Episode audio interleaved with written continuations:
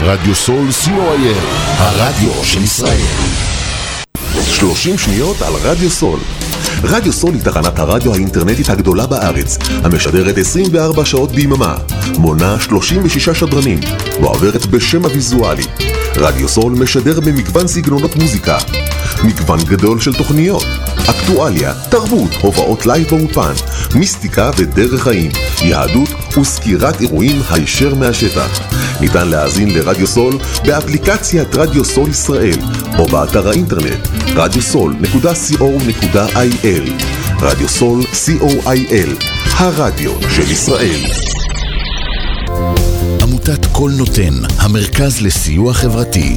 עמותת קול נותן מסייעת למשפחות נזקקות, חיילים בודדים, נוער, נוער בסיכון, אנשים עם מוגבלויות וצרכים מיוחדים. העמותה מקימה תוכניות סיוע והעשרה בתחום התקשורת והמוזיקה ומקרבת בין תרבויות במגזרים השונים. תרומתכם קטנה כגדולה, יכולה לסייע לאלפי אנשים. לתרומות חייגו עוד היום, 03 677 36 36 עמותת קול נותן, המרכז לסיוע חברתי. קול נותן, המרכז לסיוע חברתי.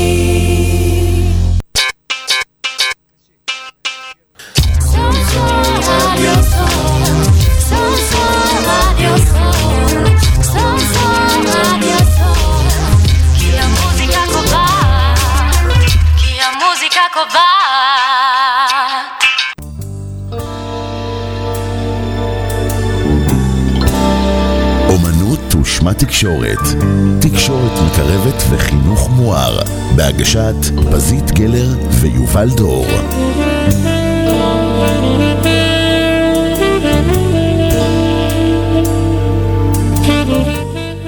שלום לכם, אנחנו כאן ברדיו סול.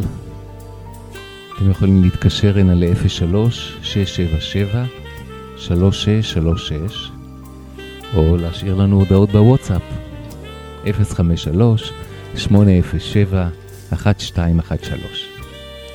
ו-123 אנחנו הולכים היום לדבר על עבודה פנימית כאימא.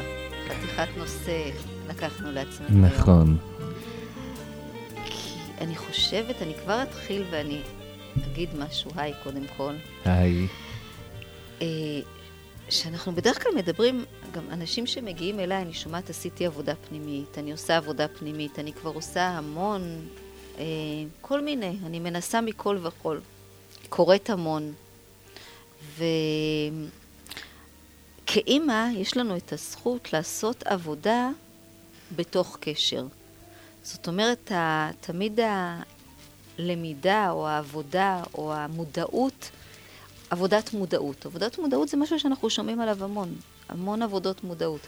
אבל מודעות בתוך קשר זה הזדמנות למשהו חדש שאין אפשרות לטעות בו. כי כמובן שעם הצד השני יש תמיד סימן שאלה, יש נסתר. אנחנו לא יודעים מה יהיה, מה יעלה. אז זה לא משהו שאנחנו עושים רק בתוך עצמנו. אנחנו עם פרטנר, והקטע של שותף, הקטע של עוד מישהו, זה לא רק אני פה. זה במקרה הזה אני ואתה, אבל זה אני ואתה ועוד המון. אז כשזה אתה ואני או אני ואתה, אני לוקחת בחשבון, תמיד אנחנו לוקחים בחשבון שהמודעות בתוך קשר היא לא רק בקשר עם בן הזוג שלי, אם במקרה, או עם הילד שלי. אם אני בקשר עם הילד שלי, אני אדע להיות בקשר גם עם הבוס שלי בעבודה. תודות למודעות בתוך הקשר. כשזה מנותק מקשר, תמיד יש סיכוי להגיד, אוקיי, לבד אני יודע לעשות עבודת מודעות מצוינת, אני מודע, אני יודע, וברגע האמת, הכל מתפוגג. אנחנו גם חוזרים לעניין שהילד הוא שחקן בתיאטרון החיים שלך, ממש. ומאפשר לך לגדול ולהתפתח. זה לא שאנחנו באים לעזור עכשיו לילד כי יש לו בעיה.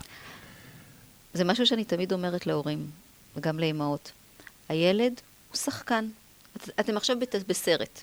הילד הוא שחקן, הוא בא לתת איזשהו, איזשהו משחק, כדי שאת תוכלי לדעת מה את עושה עם השחקן הזה. איך את, איך את עם השחקן הזה. אז את רוצה לתת לנו אה, סיפור קצר? אה, אני יכולה לספר גם, אה, אני יכולה לקרוא את הסיפור שיש לי. ובהמשך אני אוכל לספר גם סיפורים מהשבוע האחרון, מאוד אה, אה, אותנטיים, שמעלים את הדבר הזה, שמעלים לבטים של אימהות, שאלות שאני שומעת מלא מעט אימהות, אולי אפילו אני אתחיל בזה. אני אספר על סיפור שחוזר לא מעט פעמים. על... אה, אני גם אעביר דרך זה מה זה מודעות בתוך קשר. כשאימא באה ואומרת, אני רוצה שהילד שלי יבוא אלייך כי יש לו קשיים בלימודים, הוא כבר אה, עולה לכיתה ג' בשנה הבאה, הוא עדיין לא קורא וכותב. אה, קשה לי לחשוב על זה שהוא יהיה מתוסכל, בש... הכל בנשימה אחת. קשה לי לחשוב שבשנה הבאה הוא יהיה מתוסכל, כי הוא יצבור פערים. בעיקרון זה יכול להיות גם שהילד בן 17 וילך לצבא. זה כל זה דבר. אותו עיקרון, או כן. אותו דבר. הבא, ואז אני עוצרת, ואני אומרת לה, תדעי שאני אעצור על דברים שבדרך כלל לא עוצרים עליהם. אני, המחשבה הזו, שאני לא יכולה שהילד שלי מתוסכל. מה זה אומר עליי? מה זה אומר עליו? מה זה אומר על הקשר שלנו? מה זה אומר על איך הייתי רוצה לראות הילד הזה גדל? באותה נשימה היא יכולה להגיד, אני רוצה שהילד שלי יהיה עצמאי. אני רוצה שהוא יהיה, יבחר בעצמו, תהיה לו יכולת בחירה, יהיה לו יכולת, אה, הוא לא ירצה אותי, ומצד שני אני אעשה דברים כדי שהוא לא יהיה מתוסכל. עכשיו, אם אני באמת עוצרת רגע ואומרת, רגע, לי קשה כשהוא מתוסכל. הוא לא אמר שהוא מתוסכל, אני עוד לא יודעת בכלל אם הוא יהיה מתוסכל, ועכשיו אני חיה סרט, אני לא חיה את המציאות. אני חיה סרט עתידי, ואת הסרט הזה לא רק אני חיה, גם הוא יחיה את זה יחד איתי. והסרט העתידי אומר, עוד שנה הוא בכיתה ג', הוא הולך להיות מתוסכל, נבואה שמגשימה את עצמה אולי, הוא הולך להיות מתוסכל, אני לא יכולה לשאת את זה. אני אעשה הכל שהוא יקבל עזרה כמה שיותר מהר. כשמגיעה השאלה האם הוא רוצה לקבל עזרה, מתחילות התשובות של קצת, הוא אומר שקשה לו. והשלב הבא במודעות בתוך קשר זה לעצור רגע ולהגיד אוקיי, אז עכשיו אני בודקת איתו אם, לו, לש... אם מתאים לו לשתף אותי במה בדיוק קשה לו. עכשיו, היכולת הזאת להיות בסקרנות מגיעה רק כשאנחנו מצליחים להזיז פחדים הצידה, ותוויות ושיפוטים הצידה. כשיושב מולי אדם שאין לי שום שיפוט עליו, יש לי רק סקרנות לגבי מה עובר בתוכו. אז במודעות בתוך קשר האימון הוא, ואני צריכה להגיד משהו על אימון גם, כל מה שאנחנו מביאים פה נזקק לאימון. אני אומרת את זה כי אני אעשה, אפתח רגע סוגריים, כי קיבלתי אה, פניות אחרי השידור שלנו, אנשים ששומעים את מה שאנחנו מעבירים, ומייס, ואני שמחה לשמוע שאנשים אומרים, אני רוצה ליישם את זה ביום-יום שלי. אהבתי את הרעיון. עכשיו, יש פער בין לאהוב את הרעיון, לבין להתחיל לחיות את זה בצורה מודעת, שיטתית, עקבית, מובנית. כי זה שזה הבלחה של איזה רעיון, ואני באה לילדה שלי ואני אומרת לה, אה, משהו מסוים ששמעתי בשידור, זה לא מספיק, לא רק שזה לא מספיק, זה גם לפעמים מתסכל, ואנחנו עלולים לפספס. אז אנחנו חוזרים אה, תמיד לנושא שאנחנו קוראים באמת לפודקאסט הזה, אומנות ושמה תקשורת, כי ברגע שאנחנו מבינים שזה אומנות, אז חייבים להתאמן. וזה לא משנה אם התאמנת כבר 20 שנה, בוודאי לפני הקונצרט אתה ממשיך להתאמן. אתה צריך להאמין שהאימון באמת יוביל לתוצאות. אז אולי לפני שנמשיך, מה דעתך לשמוע דווקא אומן גיטרה? נעשה רגע הפסקה. קוראים לו טומי עמנואל, חלק מהמאזינים אולי מכיר אותו. והשיר שבחרתי הוא שיר שמכירים מה, מהבי ג'יס, שנקרא How Deep is Your Love. והבדיקה הזאת שלנו כאבא, אימא, כמורה, זה באמת לב- לבדוק עד כמה האהבה שלנו עמוקה ומה זה בכלל אומר. אז זאת אהבה. אז בואו קצת נקשיב אה, לגיטרה הזאת, לאומנות של הגיטרה. 对，啊。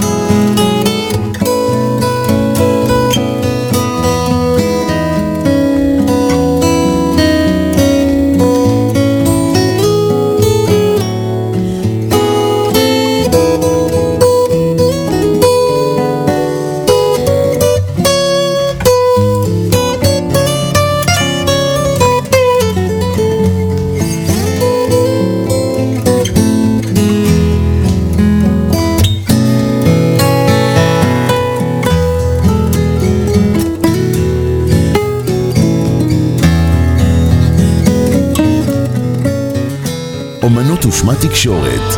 תקשורת מקרבת וחינוך מואר. עכשיו, עם פזית גלר ויובל דור. אז הסיפור נקרא להיות לידו, לא במקומו.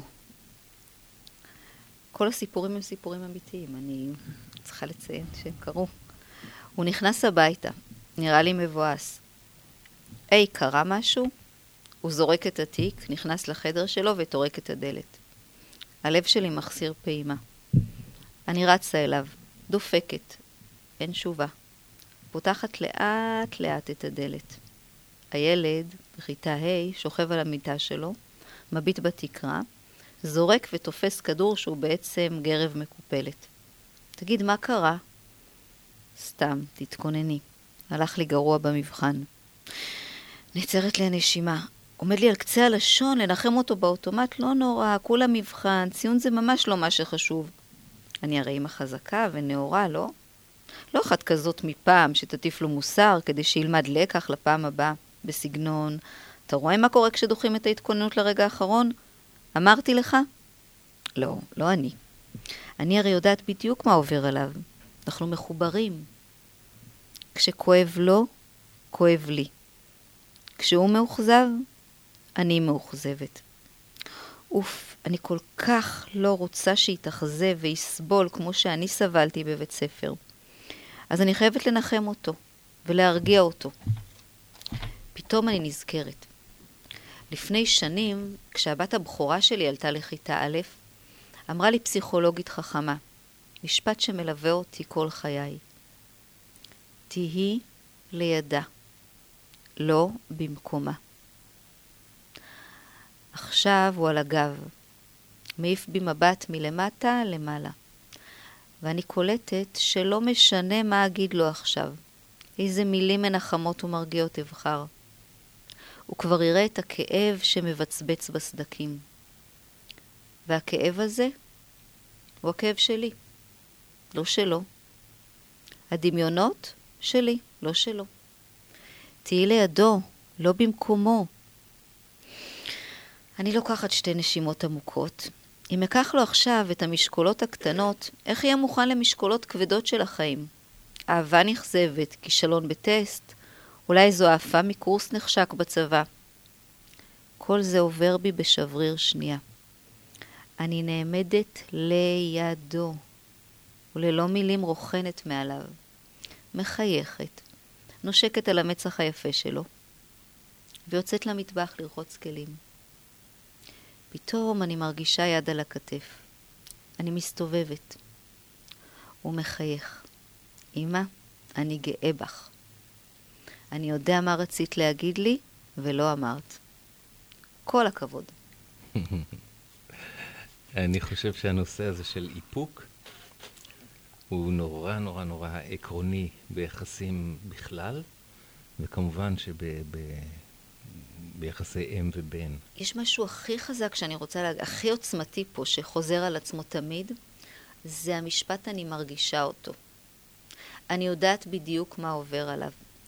ילדים, אני אגיד שונאים, אבל זה באמת שונאים, את המוד הזה של אימא שהיא במקומי, שלא נותנת לי להיות אני. היא יודעת מה אני מרגיש, והיא אומרת את זה כמשהו שהוא מאוד, אני מרגישה אותך, אני יודעת בדיוק מה עובר עליך.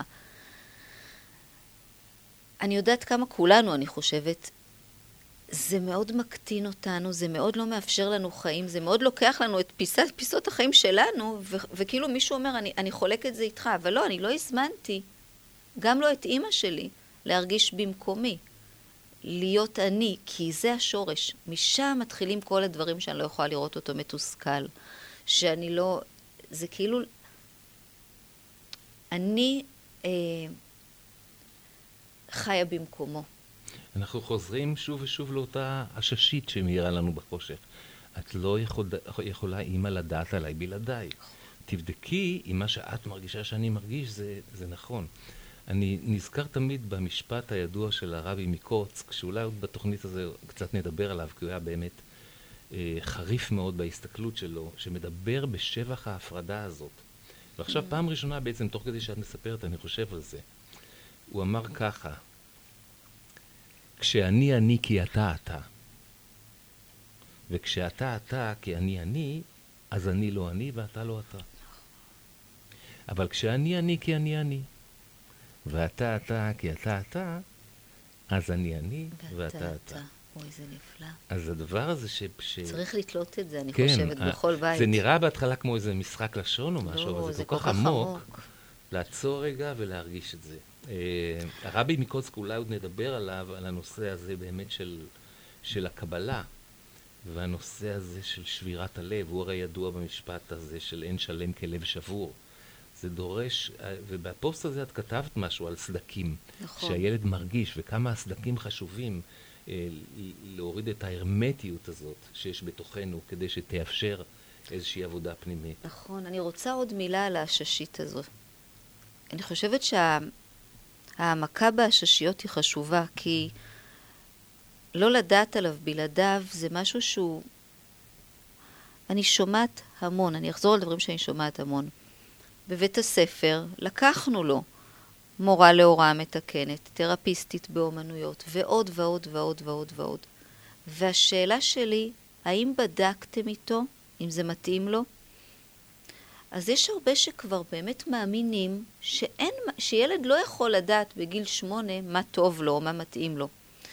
ואף על פי כן, שיחה כמו, אתה יודע, עולה בי מחשבה שאולי אתה לא תוכל, אה, בסגנון הזה, אמיתי. אני רוצה להציע לך, לשאול אותך אם זה מתאים לך.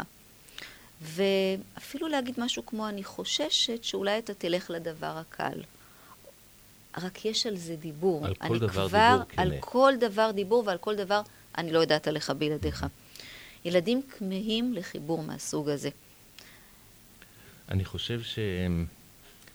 שאם מדובר בקליפות האלה שלא מאפשרות לנו לראות, הרבה אנשים חושבים, בעיקר כשחושבים על המונחים האלה ממה שנקרא חוכמת הקבלה, שקליפה זה רע והתוך הוא טוב. אבל הקליפה היא לא רעה, הקליפה היא חיונית בשביל לשמור על התוך. אז כל מיני מנגנונים ששימרו, ששמרנו כילדים, אחר כך כבוגרים יכולים להישאר לנו והם כבר לא זקוקים, ואז זה באמת מפריע. אז על הנושא הזה שבעצם אנחנו כל הזמן רוצים לקלף משהו שהוא חיצוני ולהיכנס יותר לפנימיות, בואי נשמע עוד שיר אחד של יוני רכטר, ששרים אותו, שרות אותו גם אה, רונה קינן ואסתר ראדה, וזה נקרא קילפתי תפוז, וקצת נתבשם בשיר הזה ונמשיך הלאה. שיר נהדר. רציתי לכתוב לך שיר יפה, שיר משהו נפלא.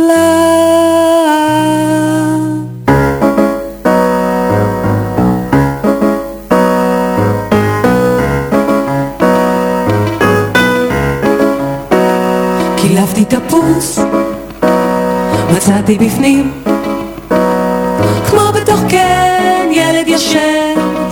ישן. הילד אמר, אתה עשית פה חור, תקן את הפלח, נושב עליי קור, נושב עליי קור. קילפתי תפוס, מצאתי בפנים, מה? כמו בתוך קן, ילד ישן, ילד ישן. הילד אמר, אתה עשית פה חור, תקן את הפלח, נושב עליי קור. נושב עליי קור, אמרתי רגע, סליחה, שלום, ואת הפרחים שמתי במקום, ועד ועד היום, אם הוא לא יצטנן, בתוך התפוז, ילד ישן, ילד ישן, עוד ילד ישן,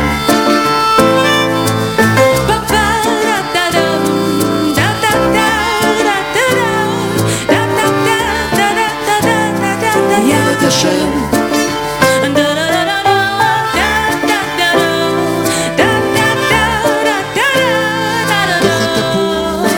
ישן, ילד ישן, אמרתי רגע,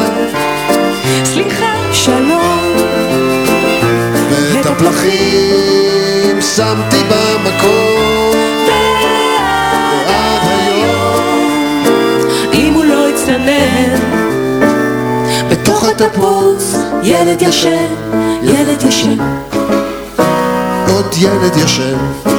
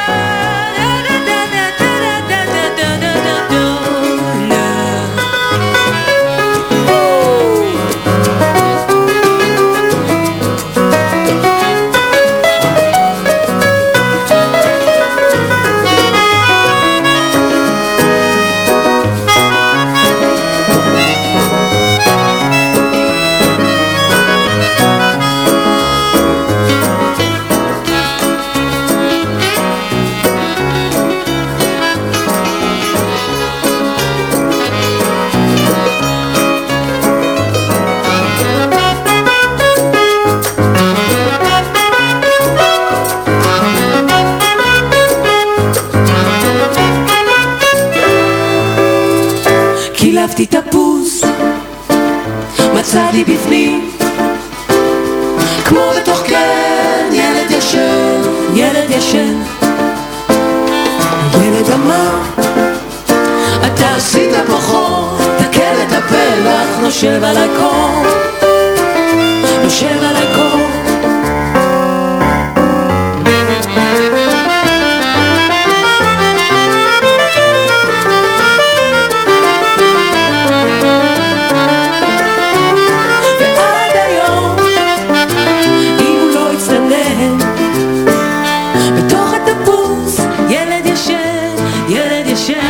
ילד ישן, ילד ישן. ילד ישן, ילד ישן, תוך התפוז, ילד ישן.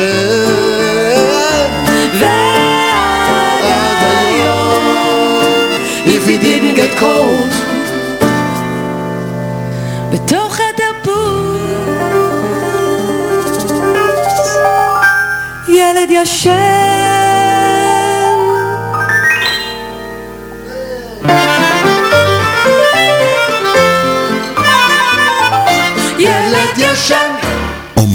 ושמה תקשורת, תקשורת מקרבת וחינוך מואר, בהגשת פזית גלר ויובל דור, עכשיו ברדיו סול. אני רוצה להמשיך ב... קראנו לזה על עבודה פנימית כאימא. אני פוגשת הרבה אימהות שמגיעות בסבל. הן אפילו בהתחלה לא מודעות לזה שהן בסבל.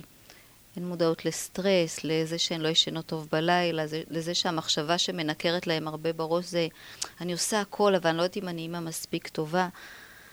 וכל החבילה הזאת אה, מביאה הרבה פעמים להבין שאנחנו אנחנו בסרט. אנחנו לא בנתיב הנכון, לא בנתיב שהילדים שלנו היו רוצים שאנחנו נהיה, לא בנתיב שאנחנו היינו רוצות שנהיה. יש מין כמו חבל טבור, שאני מדמה את זה לחבל טבור מסואב שמחבר בינינו, ואנחנו לא מצליחים ל... לשחרר שם בעדינות. והסיפור הזה קצת מראה את זה עוד יותר פנימה. גם היום חיבקתי חזק אימא, שאמרה לי בדמעות, המחשבה שקשה לו גומרת אותי. וזה קורה מסתבר בכל גיל, לא משנה בין כמה הילד, הנער, האיש. אז הנה שוב עבורך, אימא'לה. אני רק רוצה שהוא יהיה מאושר, שידע שיש לו חברים, שהוא במצב רוח טוב, שלא קשה לו, שהכל בסדר איתו תמיד. ככה אימא. רגע, אני רוצה לשאול אותך שאלה. ככה אני. שאלה שגם אני לומדת לשאול, שאלה שמגדלת אותי כאימא וכבן, וכבן אדם, ולכן אני שואלת גם אותך, מה את רוצה להשיג עבור עצמך? לא עבורו. לוקח זמן לתשובה להגיע. בדרך כלל חוזרות אליי שוב ושוב גרסאות שונות של כל מה שאני רוצה זה שיהיה מאושר. באמת, שום דבר בשביל עצמי, הכל בשבילו. שיצליח, שיגדל להיות בן אדם טוב, שיהיה לו ביטחון עצמי, שלא יהיה פגיע כמוני, שיהיו לכלים טובים להתמודד, שלא יפחד כל כך, שיהיה מסוגל להביע את עצמו טוב יותר, וכולי וכולי, ככה אימהות. ואני מתעקשת על ההפרדה. אבל רגע, מה את רוצה להשיג בשביל עצמך, בנפרד לגמרי ממנו. רק להביט במראה, לא עליו. לוקח זמן למילות הנפרדות להיוולד, לריפוי להתחיל, עד שהפנים שלה מבהירות. בעצם, אני רוצה לעצמי שקט נפשי וביטחון. אני רוצה לישון טוב בלילה. אני רוצה לחיות בלי רגשות אשם. נמאס לי מהלקאות עצמיות. אני רוצה שתהיה לי היכולת לסמוך. שלא אכעס על עצמי כשאני כועסת. שיהיה לי אומץ לשחרר. כן, אני רוצה לחיות בשמחה, בדיוק. זה מה שאני רוצה להשיג בשביל עצמי. אני רואה שהיא מתחילה לנשום, ואני שומעת איך הילד שלה מתחיל לנשום. עכשיו מתחילה העבודה של עצירת גלגל הסבל. צריך להסכים לעבוד בעצירת גלגל הסבל, לרצות בזה מאוד מאוד, וזו עבודה יומיומית של התבוננות ועשייה, של ערנות לניסים קטנים שפתאום מבליחים. כבר מתחיל ריפוי. מהרפייה. ואני לא מתכוונת רק לגוף, אני אומרת לה.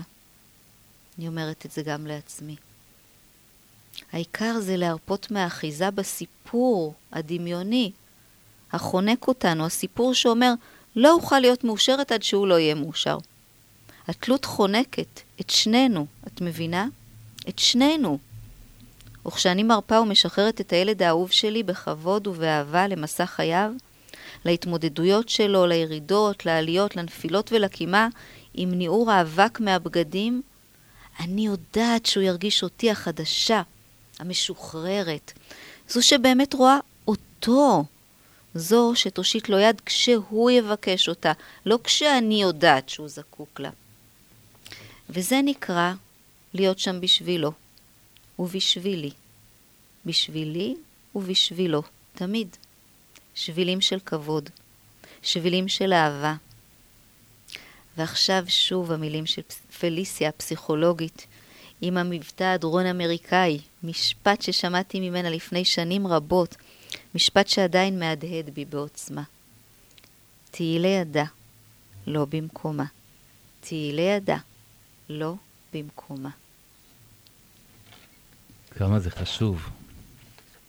את יודעת, כשאנחנו רואים את הדימוי הזה של תלות, של מישהו תלוי, אנחנו רואים דימוי, מישהו תלוי אז הוא נחנק, תולים אותו, והוא פשוט אין לו אוויר. אז היכולת של הורה או מורה או בוס אפילו לשחרר אנשים מתלות, היא לתת להם נשימה, לתת להם נשמה. רק זה מדהים שאימהות מאמינות שאם הן לא משחררות מהתלות הן אימהות לא טובות. זה אבסורד, שמבחינתן התלות הזו היא זו שגורמת לילד להיות ב, בחיים טובים כביכול איתה. וזה הפוך. פעם שמרנו את זאת שאלונה פרנקל שכתבה את סיר אסירים, אתה זוכר שהיא כתבה? כן, שהיא כתבה, תזניחו אותם קצת. בדיוק, זה מצא חן בעינינו. אז להזניח קצת זה פשוט לתת להם לנשום, ולנשום בעצמנו, כי רוב המצבים, האימא לא נושמת, ה- הילד או הילדה לא, וזה, אין סיבה שזה יהיה, זה פשוט הפוך, זה ממש עולם הפוך. את יודעת, יש אה, דיון עמוק מאוד בפסיכולוגיה, המון המון שנים, זה נקרא nature or nurture, או בעצם אה, מה יותר חזק, התורשה או הסביבה. שכבר לתורשה אין לנו שליטה, התורשה יכולה להיות פיזית בגנים, ויכולה להיות תורשה, נקרא לזה גנים רוחניים או וירוסים שעברו מדור לדור, או מה שנקרא פוקט עוון אבות, או עוון אמהות על בנים ועל שילשים ועל רבעים. ועכשיו, עוון זה המקום שבו, זה מלשון עיוות. איפה שאנחנו ראינו דברים מעוותים, לא ישרים, לא התיישרנו למציאות.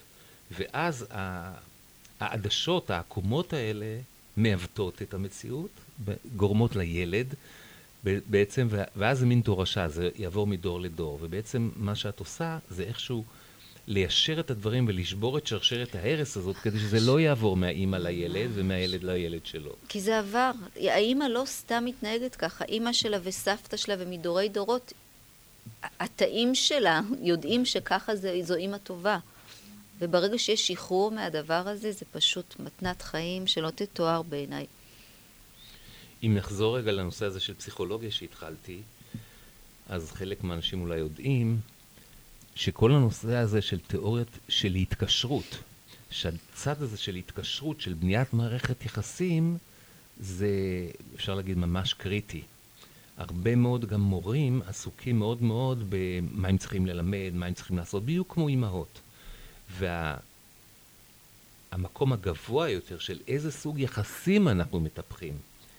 אז יש באמת מחקרים שמראים שגם בבתי ספר, איכות היחסים של המורים עם התלמידים משפיעה בסופו של דבר הרבה יותר מאשר כל מיני תוכניות. עכשיו, גם כל מיני דברים כמו תוכניות של עיצוב התנהגות, או, אלה דברים שכל הזמן עסוקים במה לעשות, ולא בקשר, באיכות הקשר, בקרבת הלב, שבין הנש... הנשמות הפועלות, הנפשות הפועלות במחזה הזה, בדרמה האנושית הזאת. נכון. אז אני חושב שמה שאנחנו כל הזמן מדגישים, זה את הנושא הזה של קשר והתקשרות. זה לא סתם תקשורת, אלא התקשרות. משהו שבאמת, הוא עושה את ההתקשרות הנכונה, כי כשאותה אימא שאת כותבת עליה, היא מרגישה שהיא נורא קשורה, שהיא מקושרת לילד. אבל זה, אבל זה, התכתב, זה, זה קשר במובן של בגידה, כמו שלקשור קשר כנגד מישהו, זה גם לעשות איזשהו תהליך מאחורי הגב. נכון. אז- וזה זה דברים שהם עובדים כשיש ראייה לטווח ארוך. זאת אומרת שזה לא הקטע של עכשיו אני אשיג שהוא ייכנס למקלחת, או אני אשיג שהוא יכין שיעורים. ברגע שיש לי אפשרות לראות מה, מה יקרה לילד הזה, ואיך הוא יזכור אותי כאימא שליוותה אותו כשהוא היה צריך להיכנס למקלחת. וברגע שיש את ההסכמה, אז א', כבר המצ- המצב הזה מאפשר נשימה, כי אתה לא צריך להשיג תוצאה מיידית, כי אתה צריך לפעול באורך רוח. ובמחשבה, רגע, מה זה, נות- מה זה עושה עכשיו, מה שאני אעשה? כשאני עכשיו אפנה אליו, האופן שבו אני אפנה אליו, העדינות, ההשהיה, האיטיות לפעמים, לא האימפולסיביות, את כל זה הוא יספוג ממני. עכשיו, ברגע שאני מחזיקה בראש, כל צעד שלי הוא מחכה. הוא מחכה את הצעדים שלי, הצעדים הפנימיים והצעדים החיצוניים, הוא מחכה אותם כבר מהרגע. אז אני אהיה יותר ב... בהקפדה, אבל לא הקפדה להשיג תוצאות, הקפדה על תיקון המידות שלי. אני חושב שההחזקה של שני הדברים האלה בעת ובעונה, נכון, יש משהו עכשיו לעשות, כן? אני רוצה שהילד יסיים לאכול, כי אני צריכה כל מיני דברים אחרים לעשות. אני זקוק לסיים את זה, שייכנס למקלחת, שיעשה שיעורים. בו זמנית, להחזיק כל הזמן את הערך הגבוה, ואיך זה משפיע על מערך היחסים שלנו בטווח ארוך, זה, את שתי הרמות האלה, זה בדרך כלל אנחנו חוטאים בזה. אנחנו כל כך, הראייה היא כל כך צרה להסתכלות של מה עכשיו צריך לעשות, שאנחנו שוכחים את הטווח הארוך של איך זה משפיע על מה יקרה בינינו לאורך השנים. נכון. על התהליך. ובדרך כלל, נכון, והתרופה לזה, או הריפוי שמתחיל להגיע, מתחיל להגיע דרך ערות למה אני זקוקה. זה לא שאני מתעלמת מהצורך שלי שהוא ייכנס למקלחת, אני רק לומדת לדבר את זה, אני לומדת שפה שתאפשר לי להתחבר אליו כשאני, רוצ... כשאני כמהה לכניסה שלו למקלחת. ומשם אני משיגה, משיגה, אני לא אגיד משיגה, אבל מתאפשר, יש איזושהי הרמוניה ב- ב- ב- ב- בחדר, ביחסים, במה שקורה. מתחילה, לי- מתחיל לקרות משהו אחר. אני חושב שאנחנו שוב ושוב חוזרים לנושא של, של מהי בעצם אהבה, כי, כי אותה אימא שהיא, נקרא לזה, חונקת, משתלטת וכולי, או להפך, זאת שמזניחה יותר מדי, בתוכה, העיוות הוא שהיא בטוחה שזאת אהבה. אז בואי, אה, אני בחרתי איזה שיר של זמרת שאני לא יודע אם את מכירה, קוראים לה נועם קליינשטיין, היא הבת של, כן, לא שמעתי אותו. ו... ואני אוהב לשמוע אנשים צעירים שפתאום שרים עם איזשהו חיתוך דיבור קצת אחר. אבל מה ששמחתי פה זה שיש איזו חזרה לשירים, למוזיקה ישראלית, שהיא לא, לא מרגישים בה כל כך חזק את ההשפעה האמריקאית של הראפ וכולי. אז זה, זה שיר של נועם קליינשטיין שנקרא "הנה הוא חוזר", ואנחנו נחזור אליכם עם המשך העמקה בנושא הזה של אימהות וקשר. הנה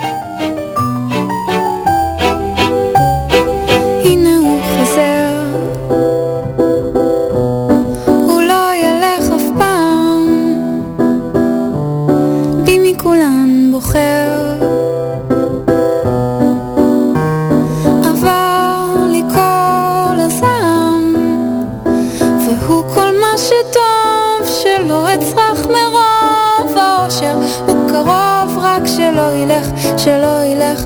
הנה הוא הולך תמיד כשהוא הולך אני נשארת במקום. אם לשנה ואם ליום. טוב תלך רק אל תלך רחוק אני לא מצליחה לנשום זה גיהנום. הנה הוא חוזר.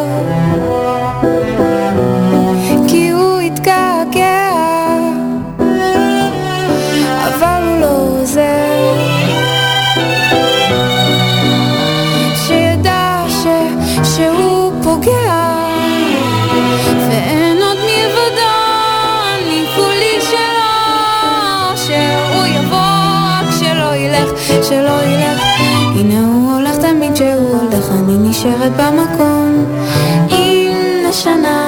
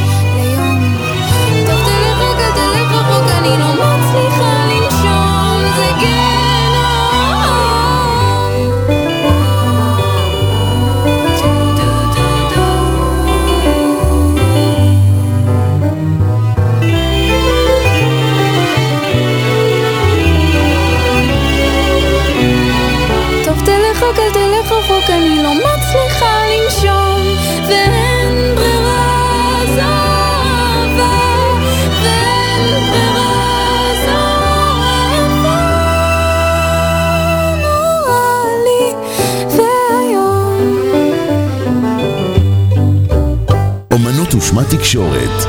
תקשורת מקרבת וחינוך מואר. עכשיו, עם פזית גלר ויובל דור. את יודעת, כתבתי לי פה את הטקסט ש... של נועם קליינשטיין, והיא ממש מדברת על התלות במה ש... שיוצרת בעצם גיהנום. זה יכול להיות גם בן זוג בן- שנחשבים מאוהבים. ויכול להיות עם, עם... ושעוד קוראים לזה אהבה. למשל, היא כותבת ככה, הנה הוא הולך, תמיד כשהוא הולך, אני נשארת במקום, אם לשנה ואם ליום. טוב תלך, רק אל תלך רחוק, אני לא מצליחה לנשום, זה גיהנום. וואו. טוב תלך, רק אל תלך רחוק, אני לא מצליחה לנשום, ואין ברירה, זו אהבה. כך היא כותבת, ואין ברירה, זו אהבה נורא לי ואיום. אז זה, ב, אז זה ב, בהומור כמובן, אבל זה מאוד מאוד מייצג מצב כזה שאם פתאום הילד הולך, אז נורא לי ואיום. אם...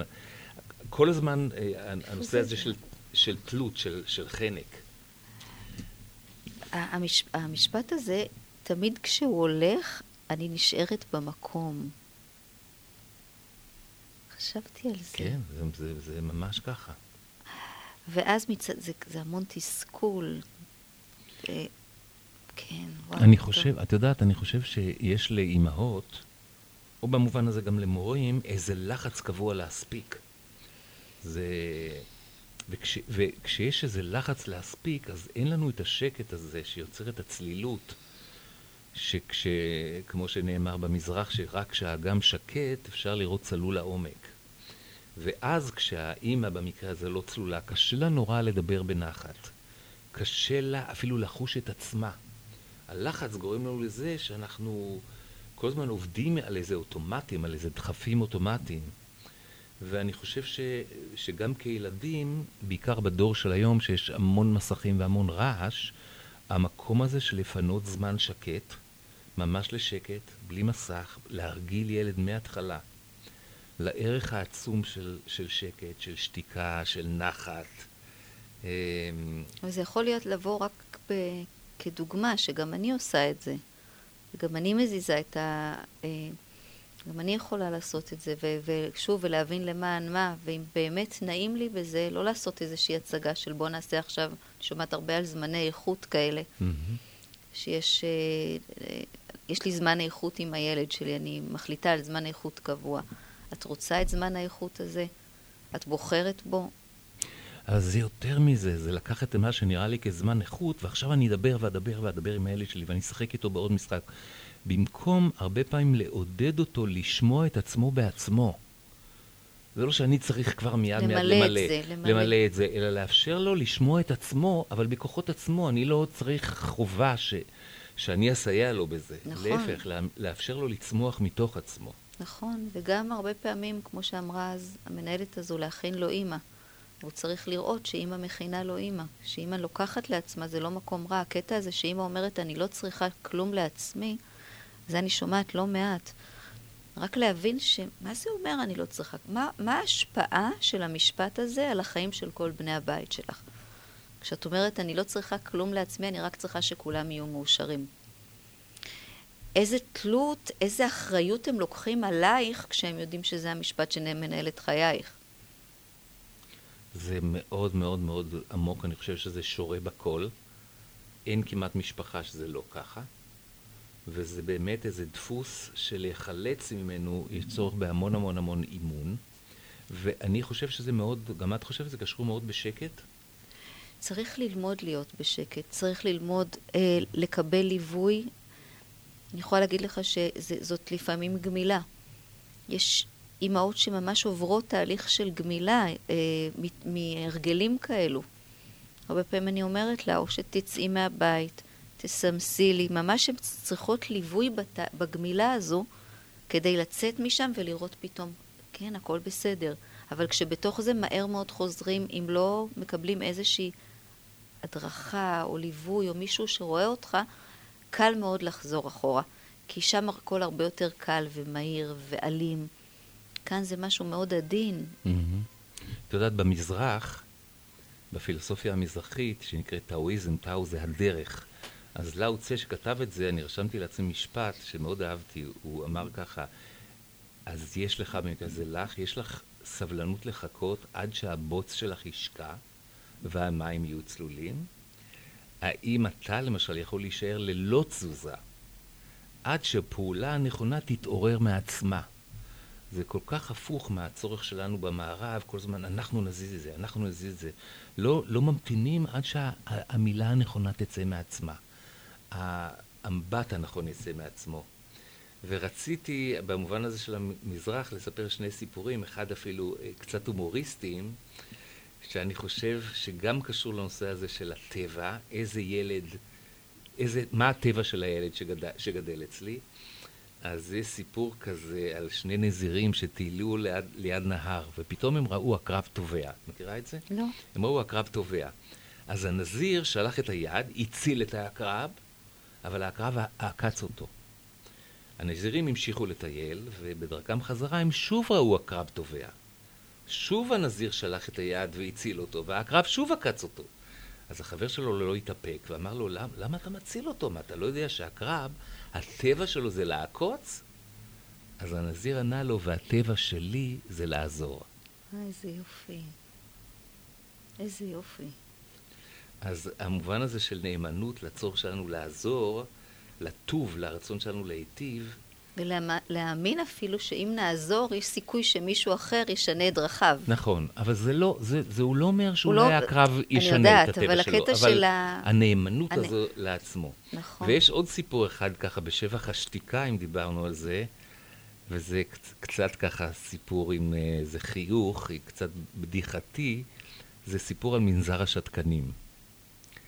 כולם מכירים בארץ את מנזר, מנזר השתקנים אה, ליד לטרון, אבל זה כמובן מספר על המזרח של מנזר שהיה עם חוקים מאוד מאוד מחמירים, שהיה שם נדר של שתיקה, שאסור היה לדבר בכלל, אבל היה יוצא מן הכלל אחד לחוק הזה, שכל עשר שנים היה מותר לכל נזיר לבוא לראש המנזר ולהגיד לו שתי מילים בלבד. אז נזיר אחד, לאחר שהיה את עשר, הש... בילה את עשר השנים הראשונות שלו במנזר, הוא ניגש לאב המנזר ואמר לו, אז באב המנזר אמר לו, עברו עשר שנים, מה שתי המילים שאתה רוצה ל- לומר לי? המיטה קשה, אמר הנזיר. אני מבין, ענה אב המנזר. עברו עוד עשר שנים. עשר שנים מאוחר יותר הנזיר חוזר אל אב המנזר. שוב אומר לו אב המנזר, עברו עשר שנים, מהן שתי המילים שעכשיו ברצונך לומר? האוכל מגעיל, אמר הנזיר. אני מבין, ענה אב המנזר. עברו עשר שנים נוספות. הנזיר שוב נפגש עם אב המנזר ששאל, ועכשיו מה שתי המילים שאתה רוצה לומר לי אחרי עשר שנים? אני עוזב, ענה הנזיר. אה, ah, אני יכול להבין, ענה אב המנזר. מאז שאתה באת, אתה רק מתלונן ומקטר. אה, יפה. לא שמעתי את זה. כן. אז בואי רגע נשמע, מתאים לך לשמוע את ערב כחול עמוק? כן. קצת להרגיש את העומק, הנה מאיר אריאל שר את זה הפעם, אה, אה, לא אימא של נועם קליינשטיין, אלא, אלא שר אה, שלמה אידוב, ואנחנו לקראת, אה, לאט לאט לקראת סיום השעה הראשונה שלנו, בשעה השנייה היו לנו עוד סיפורים מעניינים. עוד העמקה. ועוד העמקה. ערב כחול עמוק, אנחנו רק אחר הצהריים. נכון.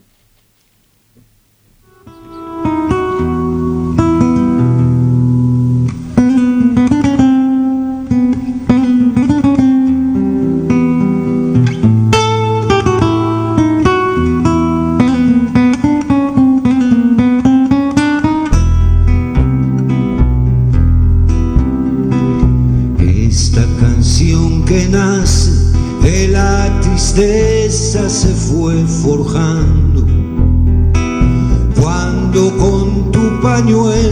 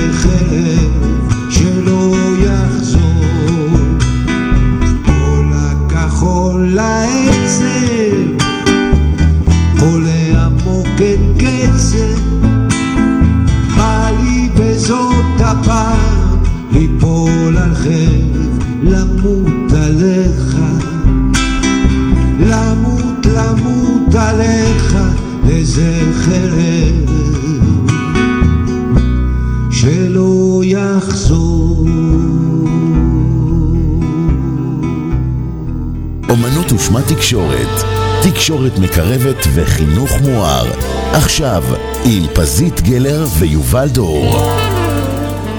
אני חושבת שלקראת סיום אנחנו נממש או ניישם את מה שדיברנו עליו בשעה הזו, את הנושא של ה... ללמוד רגע להשוות, להיות עם מה שיש. העלינו המון תכנים. ודרך סיפורים, דרך מקרים, דרך אה, דוגמאות. אה, אני חושבת שלקחת את כל מה שעלה פה עכשיו ולנסות רגע להגיד מה היה פה בעצם. אם אימא עכשיו שומעת, או זוג עכשיו שומע, אומרים, רגע, מה, על מה דיברתם? מה, מה אפשר לדוג מזה? אז אני אומרת, מספיק שתהיה התבוננות בכמה דברים. Mm-hmm. בפעמים בהם אני אומרת לילד שלי, אני מרגישה אותך ואני יודעת בדיוק מה עובר עליך. ואני עד עכשיו ידעתי שזה, האמנתי שזה מקרב בינינו. אז אני אומרת, ואם מוכנים לקחת את זה, זה לא מקרב ביניכם. הילד לא רוצה לשמוע, אני מרגישה אותך. אני יודעת מה אתה מרגיש. אלה דברים שמרחיקים, עלולים להרחיק בינינו, כי, כי הוא לא הזמין אותי להרגיש במקומו. אז זה דבר... להפך, זה גוזל ממנו, זה גוזל ממנו אה, פרטיות ואוטונומיה ומרחב נשימה ואת הייחוד שלו. זה גוזל. יש ערבוב ממש. שמערבב עליו את דעתו. בדיוק, ואני לא אוכל לראות את זה, כי יכול להיות שהרבה פעמים הוא לא יראה לי כלום, הוא גם, הוא גם יהיה בלי מילים אחרי שאני אומרת לו את זה. אבל אם אני כאימא אהיה ערה לזה שמשפט כזה הוא משפט שעלול להרחיק, כמו להתרחק מאש, אז אני אגיד, רגע, מה אני יכולה להגיד במקום? אני יכולה לבדוק איתו מה הוא עובר, אני יכולה לשאול אותו אם הוא רוצה לשתף אותי. וכאן אנחנו מכניסים עוד משהו שדיברנו עליו בשעה הזאת, זה הקטע של אה, מה אני רוצה להשיג ביחס לעצמי. אז כל אימא שאומרת לעצמה, אני רוצה שהילד שלי יהיה מאושר, ועובר לה, עולה לכיתה א' עכשיו, אני רוצה לעשות הכל שהוא ייכנס לבית ספר הכי טוב ויקבל את המוכנות הכי, הכי טובה והכל הכי טוב עבורו, או כל מיני מקרים אחרים, ואז אני עוצרת ואני אומרת, רגע, מה אני רוצה ביחס לעצמי? אני רוצה לסמוך עליו? כן, לסמוך על עצמי? כן. להיות עוגן בטוח עבורו? נכון. אה, לתת לו לאהוב את האדם שהוא ולעצמי לאהוב את... כן, כל מיני מטרות כאלה של ביחס לעצמי. זה יכול, להיות אני... גם, זה יכול להיות גם, אני, אני זקוקה להתבהרות, אני זקוקה קצת להצטללות כשדיברנו את זה. או, או לפעמים זה בעצם מה שחסר לי, זה אינפורמציה. והייתי רוצה לדעת עוד דברים, אבל גם כשהיא רוצה לדעת את זה מהילד, אנחנו שוב חוזרים למה ש...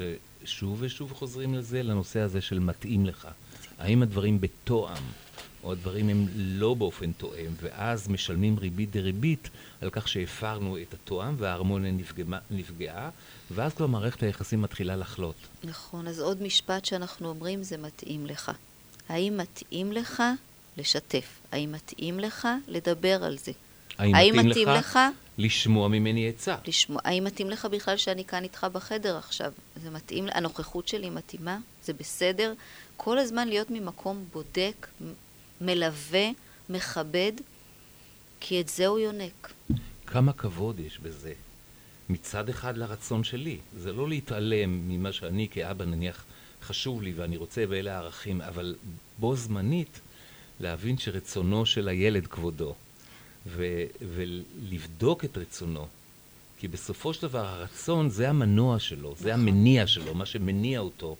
זה בסופו של דבר הרצון שלו ולא הרצון שלי. נכון. אנחנו לא, לא היינו רוצים שהילד ירצה, ו... כי, כי תמיד ריצוי, וגם על זה שוב ושוב נחזור, תמיד ריצוי מוביל... לשנאה. איזושהי שנאה מאחור ואיזושהי תחושת חוסר אונים ורצון לנקום. אז אני חושבת שבאמת הכותרת של השעה הזו היא להפוך מודעות עצמית למודעות בתוך קשר. וכל מה שלמדנו על מודעות עצמית, אנחנו נכוון את הזרקור למקום חדש, למודעות בתוך קשר, שזו למידה שונה לחלוטין. נכון, זה גם כולל את הנושא של מודעות עצמית, במובן הזה שאני פתאום מגלה, שם. בדיוק, מה, מה, מה בעצם הפעיל אותי. זה נכנס בתוכו, זה חייב להיכנס בפנים, אבל זה לא עומד לבד. בדיוק, זה ההבדל. נכון. אגב, לא יכול לעמוד לבד, כי אם זה עומד לבד זה מתנפץ, זה לא נכון. לא יישאר כשאנחנו בתוך קשר.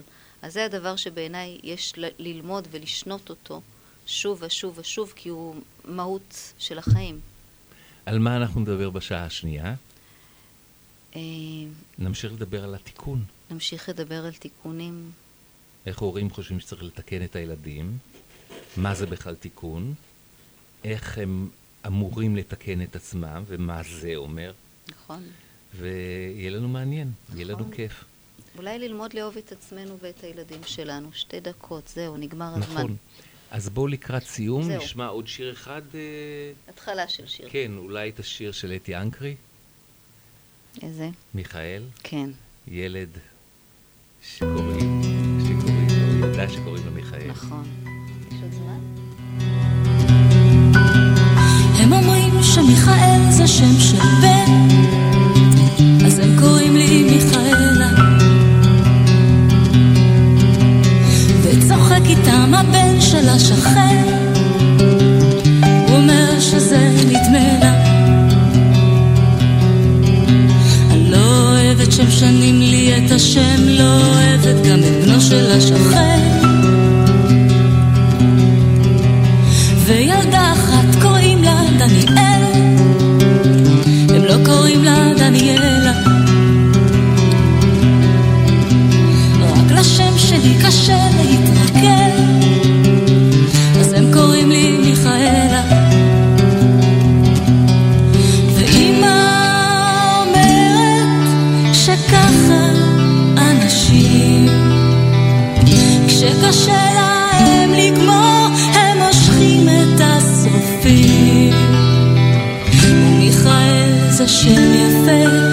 been coming.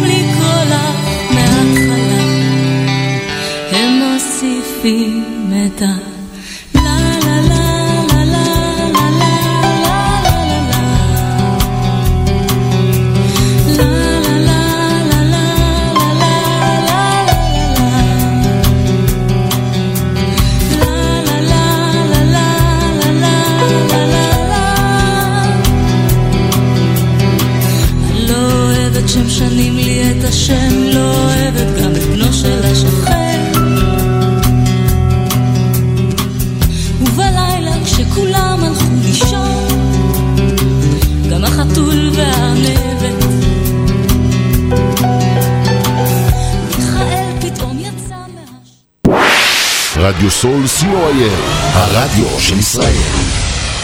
30 שניות על רדיו סול. רדיו סול היא תחנת הרדיו האינטרנטית הגדולה בארץ, המשדרת 24 שעות ביממה, מונה 36 שדרנים, מועברת בשם הוויזואלי. רדיו סול משדר במגוון סגנונות מוזיקה, מגוון גדול של תוכניות, אקטואליה, תרבות, הופעות לייב באולפן, מיסטיקה ודרך חיים, יהדות וסקירת אירועים הישר מהשטח. ניתן להאזין לרדיו סול באפליקציית רדיו סול ישראל או באתר האינטרנט radiosol.co.il רדיו סול co.il הרדיו של ישראל עמותת כל נותן, המרכז לסיוע חברתי. עמותת כל נותן מסייעת למשפחות נזקקות, חיילים בודדים, נוער, נוער בסיכון, אנשים עם מוגבלויות וצרכים מיוחדים. העמותה מקימה תוכניות סיוע והעשרה בתחום התקשורת והמוזיקה ומקרבת בין תרבויות במגזרים השונים. תרומתכם קטנה כגדולה, יכולה לסייע לאלפי אנשים. לתרומות חייגו עוד היום, 03 677 36 36 עמותת כל נותן, המרכז לסיוע חברתי. כל נותן, המרכז לסיוע חברתי.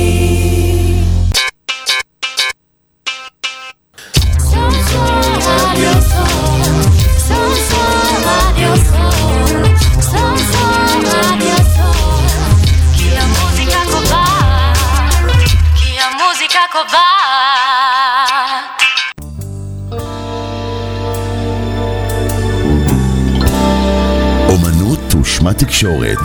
תקשורת מקרבת וחינוך מואר. בהגשת פזית גלר ויובל דור.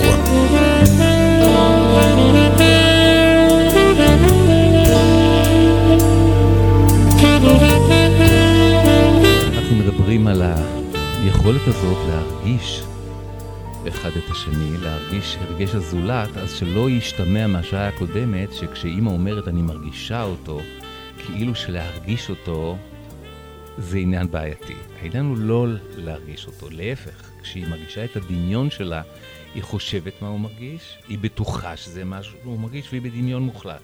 אין בדיקה איתו. Mm-hmm. אבל היכולת שלנו באמת לנסות להרגיש בעיקר מצוקה של מישהו אחר, היכולת האמפתית שלנו היא קריטית לחיים. אז בחרתי בעוד איזשהו סיפור, אה, שככה ממחיש את זה בצורה שאני חושב קל לשמוע את זה, בצורה פשוטה.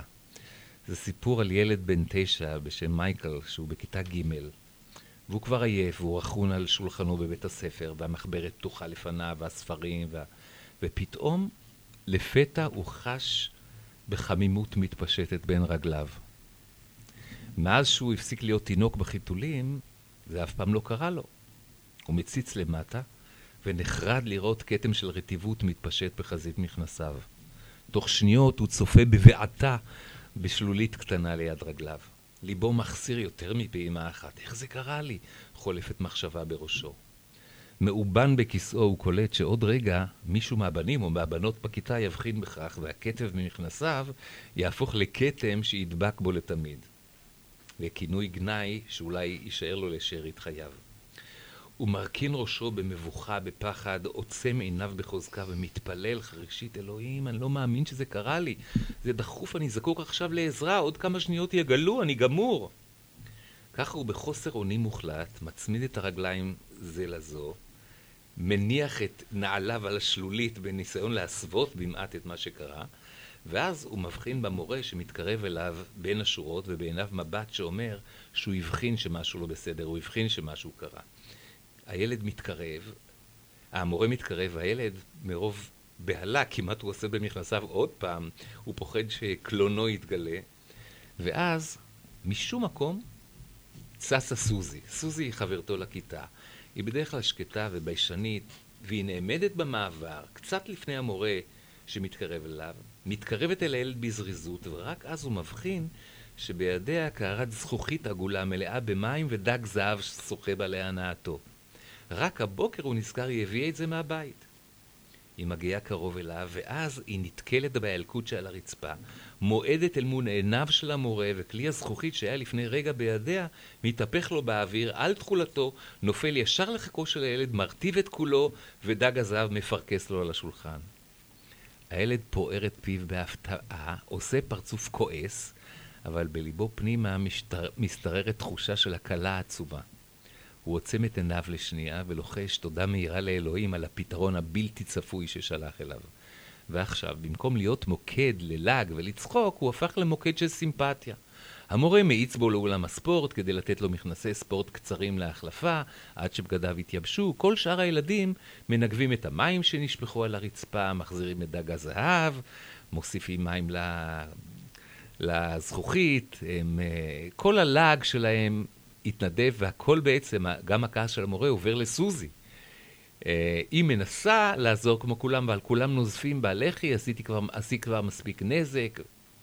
בסוף היום, כשהם מחכים לא, לאוטובוס להסעה, הילד רוכן לעברה של סוזי, ושואל אותה בשקט, נתקלת בילקוט בכוונה, נכון? סוזי מבידה פה בחיוך ולוחשת לו חזרה, גם אני עשיתי פעם במכנסיים. לעולם אני לא אשכח מה הרגשתי אז. איזה יופי. אז אה, זה הסיפור הקטן על, על הרגש הזולת וההיחלצות והתושייה שהיינו רוצים שלכל ילד יהיה אכפת באמת. אני מוכרח להגיד לך שאני, נניח, אני שוחה באיזושהי בריכה, ואני רואה ילדים שנכנסים לחדר ה... למלתחות, ואני שומע כל כך הרבה צעקות, וכל כך הרבה אה, גסות. וכל כך הרבה אמירות, תקשורת מאוד אלימה כזאת, סתום, מה אתה מפגר? כל הזמן מין שיח כזה שהם התרגלו לחיות במקום כן. כזה, שהם הפסיקו בעצם אה, לה, לה, להרגיש, עכשיו זה לא אומר שהם ילדים במרכאות רעים, זה רק אומר שיש הרגל, נוצר הרגל תרבותי, שאנחנו מפסיקים להיות רגישים. ואז אנחנו גם מפסיקים להיות רגישים לזולת ולמה עובר עליו ואיך הוא רואה את הדברים. בגלל זה אני חושבת שלפעמים יש כוח מאוד גדול לסיפורים, כמו הסיפור הזה. שלפעמים העדינויות מגיעות דרך, ש... כמו ביבליותרפיה, משהו כזה, שמספרים לי משהו על מישהו אחר. אה, כמו הסיפור שאתה סיפרת, כמו הסיפורים שאני מספרת, שהרעיון הוא לא ללמוד בשכל משהו, אלא לתת למש... להיוולד בתוכי משהו חדש שקשור מעצם השמיעה ששמעתי סיפור שכזה. אולי אני אתרכך, אולי תהיה לי איזה דמעה, איזה עצב, קיבוץ, משהו שלאורך זמן, אם אני, לא סתם יש סיפורי צדיקים וכל מיני דברים כאלה שמביאים אותנו ללמידה מאוד עמוקה, וזה לא כי אנחנו עוברים את מה שהצדיק עבר, אבל אנחנו כן עוברים את זה. נכון. כי אנחנו חוזרים שוב לאותו נושא של הגשר של הרגש, שבעצם מה שמניע בנו ויוצר בנו שינוי, מטמורפוזה אמיתית, זה הפן הרגשי. וככל שיש אפשרות לתת לילדים סיפורים, בניגוד נניח לסרטים שמופצצים בסרטים ובסרטונים שכל הזמן מראה העין אה, מכה בהם. בסיפור סיפור מאפשר לדמיין. את הזמן. הילד צריך לדמיין, יש לו מקום ליצור בתוכו משהו. יש איזה נחת להרגיש בעצם את הלב. אז הנושא הזה של סיפורים מאוד מאוד מאוד חסר. ו- זו הסיבה שהיה לי חשוב שאת התוכנית הזו אנחנו נשזור בסיפורים, אפילו לא קצרים, יש לי עכשיו סיפור די ארוך, כדי שהעבודה הפנימית של מי, שעוש, מי שמקשיב, מאזין לנו, תהיה שונה. הוא יהיה עסוק ב, בלתת לזה להיספג לתוכו, בלי, בלי קשר ללמידה, כי ללמד את התכנים האלה, ויש פה המון תכנים, זה, נ- זה הרבה פעמים נכנס מאוזן אחת, יוצא מאוזן שנייה. פה משפט בסיפור, שם הסיפור, אה, דמעה שעלתה למישהו כשהוא ש- שמע משפט, זה בעיניי משהו שיכול אה, אה, להיות הרבה יותר בעל ערך. אה, את יודעת, במשרד החינוך אה, עלה מאוד הנושא הזה של למידה רגשית חברתית. סל. סל. ואני חושב שהרבה בתי ספר יש להם כוונה, הם באמת מבינים שיש אה, לצד החברתי ולצד הרגשי, יש חשיבות עצומה.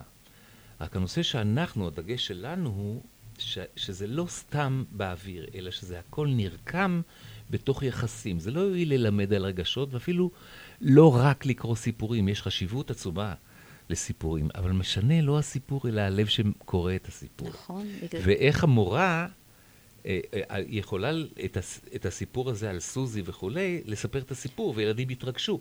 אבל אם, אם, אם זה אחד בפה ואחד בלב, אם היא לא יכולה to walk her talk, אלא באמת הילד רואה שככה היא נמצאת ב, ב, ביום-יום, ומיד מתחיל, מתחילה להפך, תקשורת דורסנית, ועונשים, ונזיפות, ותעודות, והמון דברים כאלה, אז כמובן יש דיסוננס עצום בין החלק מ- הרגשי, כן. זה פשוט מתחיל מתפיסה אה, מוטעית בעיניי, שלמשל, בתור מחנכת המון שנים כיתות א' ב' ראיתי את זה, יש דברים שלמורה מותר ויש דברים שלמורה אסור. יש דברים שבתפקידה של המורה הוא ללמד תוכן מסוים, אבל אם הסיפור הוא סיפור רגשי, כמו שאני פעם סיפרתי סיפור שהיה שם איזשהו, איזשהו אלמנט, הצו עם הצו, אתה זוכר סיפור, כן, אולי. פעם נספר אותו, אז יש אה, משהו ש... אה, כמחנכת אסור לך, כי אולי את לא, ת- כביכול לא סומכים על, על המחנך. ואז יש גם את ההפרדות המקצועיות, כמו ילד שהולך להוראה מתקנת, ובמקביל הוא הולך לטיפול פסיכולוגי. כשהמורה להוראה מתקנת מנועה מלדבר איתו, הוא בא אליה כדי ללמוד, וזה מאוד ברור, בית ספר מפנה אותו לשני תחומים שונים לגמרי. אז התפיסה, כל עוד התפיסה לא תשתנה, אז ימשיכו לחלק ילדים לפיסות, את האיברים שלהם, ופיסה אחת תהיה בהוראה מתקנת, וחלק אחר יהיה בפסיכולוגית, וחלק אחר יהיה בתרפיה באומנויות, כשהבנה שברגע שהגוף הזה, או האדם שמולי, יכול להכיל גם את הצד הרגשי שלי, הוא לא צריך להיות בשביל זה פסיכולוג, אלא פשוט בן אדם. החשש הזה באמת הרבה פעמים מ... אה, לעשות נזק, וכשאני אומרת לפעמים להורים, נזקקת פה אך ורק הקשבה. ללמוד להקשיב, והילד הזה, זה מה שהוא מבקש. ילדים שבאים אליי מבקשים שיקשיבו להם. ואז המורה להוראה מתקנת, היא מוגדרת בתפקיד מאוד מסוים, והפסיכולוגית בתפקיד מאוד מסוים, אז זה מה שגורם הרבה פעמים למה שאנחנו תיארנו פה בהתחלה. נכון, תחשבי שכל מורה עכשיו נכנס לכיתה, מורה, והיא אומרת, לא יושבים לי פה 37 ילדים. יושבים לי פה 37 תפילות. כל ילד פה מתפלל למשהו. כל ילד נזקק למשהו גדול ממנו. העמוד שהמורה תיכנס לתוכו יהיה עמוד אחר. היא תיכנס ב- לאיזשהו סוג של ענווה, לאיזה סוג של השלמה בצד האנושי, בנושא הרגשי של הלב, בנושא נכון. האמוני. אם היא באמת עושה איזושהי הכנה לפני כל שיעור, במקום להריץ בראש מה אני הולכת להבין, להעביר עכשיו, זה בסדר שאני אעביר חומר. אבל איך אני רואה, רואה בעיניים שלי את התפילה של הילד שיושב מולי. הנה, אנחנו פה עכשיו. אז בוודאי שחשוב לנו להביא דברים אה, שהכנו ודברים שחשבנו עליהם וטרחנו ועמלנו איך, איך נעשה את השידור הזה שיהיה, שיהיה מעניין ומלמד ומרגש. אבל כרגע, אם מישהו מאזין לנו, גם לו יש איזושהי תפילה בלב למשהו. אז אנחנו חוזרים ומבקשים ממי שיש לו מין אה, בקשה כזאת, לשלוח לנו אס.אם.אס, אתם יכולים פה לרדיו סול בוואטסאפ, 053-807-1213, ובאתר... זהו, שאני חושבת. שבמידה ואנשים, אני יודעת על אנשים שמקשיבים לשידור אחרי שהוא משודר, לא בזמן אמת, נכון, אז אפשר לכתוב, לשלוח לדף של חינוך מואר בפייסבוק. בפייסבוק, לש, ל, כאילו להודעות, Mm-hmm. ואז uh, כבר קרה שפתחתי הודעות ויכולתי להתייחס אליהן. נפלא. בואי נשמע את אחינועם ניני שר התפילה של רחל, שהם, שלא היו לה ילדים משל עצמה. וזה שיר שבעצם נקרא הכרה, הקהל מכיר אותו בתור אורי. וזה מעניין שהמילה הזאת, אורי, שמכילה את האור, איזה כמיהה יש לנו למשהו שפתאום יאיר את חיינו. אז הנה אחינועם וגילי.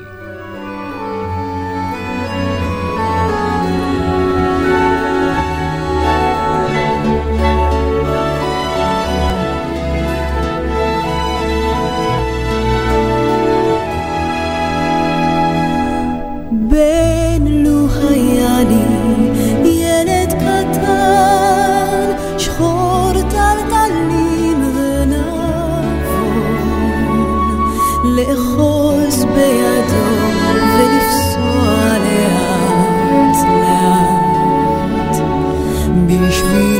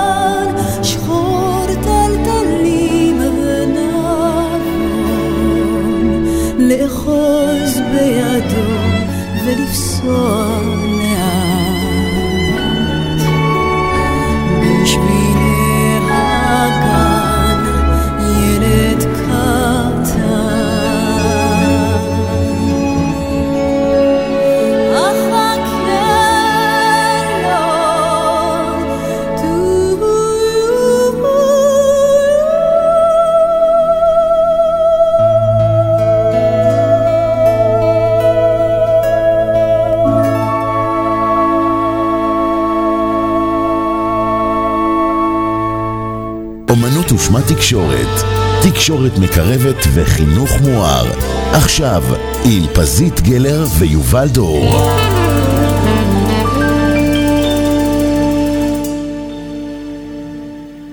אנחנו לקראת עוד סיפור. אה, אני תמיד מופתע מהאופן שבו את אה, לוקחת איזשהו מקרה, בדרך כלל מיד לאחר, לאחר שהוא קורה, ומסוגלת אה, לכתוב גם את הסרט כביכול, מה בדיוק קרה, mm-hmm. וגם להעביר את התחושות שלך כן. בתוך זה, את המוזיקה, כי אנחנו שוב ושוב חוזרים של גם הוראה וגם גידול הורים. החינוך שאנחנו עוסקים בו זה אומנות. זה כל הזמן אומנות, ולא משנה כמה כלים נקבל. תמיד uh, מורים אומרים, אנחנו רוצים כלים, או הורים אומרים, אנחנו רוצים כלים, אבל אני יודע שיכול להיות לי מרתף עמוס בכלים, וזה לא אומר שום דבר על היכולת שלי לנגן. אני בעצם, שואלים אותי באמת איך אני זוכרת, וכשאני חושבת על זה, אני באמת חושבת שהזיכרון הזה, הוא טמון לי ב, באופן שבו אני מקשיבה. Hmm. אני נזכרת דרך ההקשבה שהייתי בה. וההקשבה שלי היא תמיד, היא לא רק, אני לא מקשיבה רק ל... הפה שלך, אני מקשיבה גם לכולך. Mm-hmm. ואז הזיכרון מגיע אפילו דרך איך, נגיד, הם אומרים לי, איך את זוכרת מה אבא אמר, או האמא אמרה, או הילד? אז אני אומרת, אני יכולה לראות מתי הוא זז, מתי הוא הזיז חפץ, כי אני זוכרת סרט, ואני פשוט מחוברת לסרט הזה. אז, אה, וזה תענוג, אני אוהבת את זה. והסיפור הזה זה סיפור שאני מספרת אותו שוב ושוב ושוב, ואני אומרת, אני אמשיך לספר את הסיפור הזה עד שאני אדע שאין עוד ילד שמנסים לתקן אותו. ולנסות לתקן ילד זה משהו שאני אקרא, אז, אז, אז יבינו על מה אני מדברת. אנחנו כל הזמן מנסים לתקן לא רק ילדים, גם בני, את בן הזוג שלנו, את בת הזוג שלנו. אנחנו עסוקים בלנסות לתקן, אה, כשהתיקון האמיתי הוא שלנו את עצמנו. נחזור לזה שוב, אבל אה, הילדים האלה שמנסים לתקן אותם, לי זה מאוד כואב. אוקיי. אין פה שולחן? אין פה כלום? קטן כבן שבע, חולצה הפוכה עם תפרים בחוץ, קעקוע דרקון על גב היד, סורק את החדר בחשדנות. לא סיפרתי לו שהוצאתי את השולחן לכבודו מהחדר. יש חפצים שטעונים במשמעות כואבת, שעלולה לסגור את ליבו ולכן גם את שכלו. שבוע לפני כן התקשרה אליי האם המודאגת. אנחנו מיואשים. הוא כבר בסוף כיתה ב', בחצי השנה האחרונה הלכנו להוראה מתקנת פעמיים בשבוע, אבל הוא עדיין לא קורא, בקושי מתרכז, סיוט. המחנכת אמרה שהמצב הרגשי שלו לא טוב, והוא אלים לאחרונה.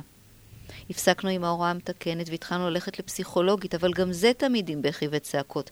היא אומרת שזה ייקח זמן, כי הוא לא משתף פעולה כל כך. כאילו שזאת בעיה של הילד ולא בעצם בעיה שלה. ואני לא עומדת בזה. יש לי עוד שניים לגדל והכל סביבו. לקחנו אותו לאבחון פסיכודידקטי. אמרו שהוא צעיר רגשית ולא מצאו שום דבר אחר משמעותי. אבל אני בלחץ, כי זה משפיע לו גם על הצד החברתי. אני מרגישה ברגע של עצבים הוא אמר לי, כולם קוראים ממש טוב, איך בא לי לבכות? את לא יודעת, ניסיתי להסתיר, להיראות חזקה, שלא יפחד לשתף אותי. אבל אין מה לעשות, הוא קולט שאני נלחצת כל פעם שאני רואה אותו חלש ועצוב. אני יודעת שהוא מנסה להסתיר את זה. וכדי להרגיש חזק הוא התחיל להרביץ לאחותו וגם נהיה חוצפן. בעצם גם אני די ככה, מנסה להיראות חזקה, כשבעצם אני מרגישה ממש חסרת אונים. אני יודעת, אני יודעת, הלכתי להדרכת הורים. ואני גם בטיפול. הורגלנו לציית לדרישות ולכפייה מצד הסמכויות, האוטוריטות. בדרך כלל לא ניתן כבוד לזכות הסירוב שלנו, לרצון שלנו. היה פה, לא הבנתי למה אני זה. טוב, אנחנו נצטרך להתחיל את זה שוב. כן. לא, תמשיכי. הלכתי להדרכת הורים, ואני גם בטיפול. אני מקשיבה לה, מופתעת. לא בכל יום פוגשים אם שיודעת לעשות הפרדות, לראות את עצמה, ולרצות לעשות עבודה פנימית. היא ממשיכה. החליפו לו פעמיים שיטות קריאה ונתנו דוח שאומר שהצד הפונולוגי חזק יותר מהחזותי. נו, מה עושים עם זה? הבטן שלי מתכווצת, כי אני מכירה את הסבל הזה מקרוב קרוב. אני אומרת לה רק, את אימא נדירה, עושה כל כך הרבה, מנסה לטפל בכזאת מסירות ולא מוותרת. אני רואה. האמת היא שאני אומרת את המילים הללו גם לעצמי. כי נלחץ אצלי וואחד כפתור, אני מכירה את המכבש הפנימי שלוחץ, נו, מתי כבר תשתני? ומה כבר ייתן לך לקרוא עוד ספר להדרכת הורים ולפיתוח מודעות ועוד סדנה להעצמה אישית? אני מדברת עם הילדה הקטנה, החלשה, האבודה שאני. זאת עם האור השקוף שזקוקה לסליחה, למחילה מעצמה. בעולם הזה לשורדים יש אור של פיל. איפה אקנה אור של פיל? פיל פילון, גם טוב. אוי, התנתקתי לרגע, אני מתעוררת מהקול שלה באוזניות שלי. טוב, לא בשביל לשפוך את הלב התקשרתי. אני דואגת לו. לא לי. סליחה, לא הייתי צריכה לבלבל לך את המוח על עצמי ועל מה שמלחיץ אותי, אני ממש לא בסדר בזמן האחרון. שנייה של הקשבה פנימה לפעימות הלב, קרן אור דקיקה של חמלה. קודם כל על עצמי, הקטנה, המתנתקת, השוקעת בבואת הערעורים. אני מתעשתת, היי מתוקה, בלי הלקאות עצמיות שומעת? אם תרצי ניפגש על כוס קפה רק בעניין הזה של האשמה עצמית, ואיך הילדים מושפעים ממצבנו האנרגטי. לי יש כבר דוקטורט בזה. מה קורה? היא אומרת, יואו, איך נפתחתי ככה, לא מתאים לי. אני שומעת שהיא מתחילה לבכות. זה גם המון כסף. כל הדברים האלו, באמת, והקשר שלנו גרוע, גרוע ממש שלו ושלי. זה לא היה ככה. נהייתי מורה שלו, לא אימא שלו, ובעלי אומר שאני משגעת אותו. כי איכשהו שומע שאני מזכירה לימודים ובית ספר ושיעורי בית וקריאה הוא נהיה עצבני. אני רוצה להחזיר לי את הילד שלי, אבל כל פעם מחדש זה משגע אותי שהוא לא מצליח ולא מתאמץ מספיק. סליחה שיצא לי ככה. זה לא קורה לי לידו. לידו אני חזקה. אני מרגישה שהיא תופסת את עצמה. היא שואלת אותי, את גם בהוראה מתקנת, נכון? לפני שאני עונה לה, עוברות בתוכי מחשבות במהירות הבזק. מי אני שאתקן? מה, פתחתי מוסך? ואם כבר לתקן, אז יש לי עוד המון תיקונים לתקן בעצמי, במחילה מכבודי. בא לי לחבק אותה. כמה נפגעות סיר הלחץ של המערכת ושל התרבות כולה אני מכירה. את יודעת, אני עונה לה? אני קוראת למה שאני עושה בשם הוראה מקרבת, הוראה תומכת רגשית. אני מאמינה מאוד בלמידה מבוססת יחס, יחסים. כשנותנים את התנאים הנכונים ומקשיבים לעומק, לעומק שני הצדדים. מקשיבים לילד, מקשיבים לקול החרישי שבתוכנו, ומניחים את התודעה על הקשר, ולא על התוצאות ממנו. אז יגיע גם תיקון, בזמן שצריך. מתאים לך לשתף אותי עוד קצת מה קורה איתו בבית? זה ילד השלישי. עם הראשונים לא היה כלום, היו ילדים ממש טובים. עכשיו כולנו בעצבים בבית, לזהות אותיות הוא מזהה, אבל כבר מהגן לא מצליח לחבר מהן מילים. מה כל כך קשה לחבר מילים? זה מייאש אותי, תקשיבי. הוא גם לא מנסה, שונא לשבת ליד שולחן, רק מצייר, לפעמים על הרצפה. אני שומעת דמעות. תסכימי לראות אותו? יש לי רק בקשה אחת, כך אני. נתחיל בכמה פגישות, ואם לא הולך, תחזרי לעשות מה שבא לך. אבל בבקשה, שום עזרה נוספת בזמן הקרוב. תציעי לו חופש מעזרות, חבקי אותו חזק ותביאי אותו. מה אוהב לעשות המתוק שלך? במה הוא מרגיש טוב? מה משמח אותו? מה מדליק אותו? היא שותקת דקה, חושבת, נבוכה משהו, לא עולה לי כלום. הוא שונא הכל בזמן האחרון. אפילו לכדורגל הוא בקושי הולך. הוא הפסיק לבנות עם אבא שלו דאונים. רק מצייר הרבה ורואה טלוויזיה, רוב הזמן עצבני נורא, ובזמן האחרון מרביץ, והוא היה ילד כזה טוב, שלא פגע בזבוב. ושוב היא בוכה.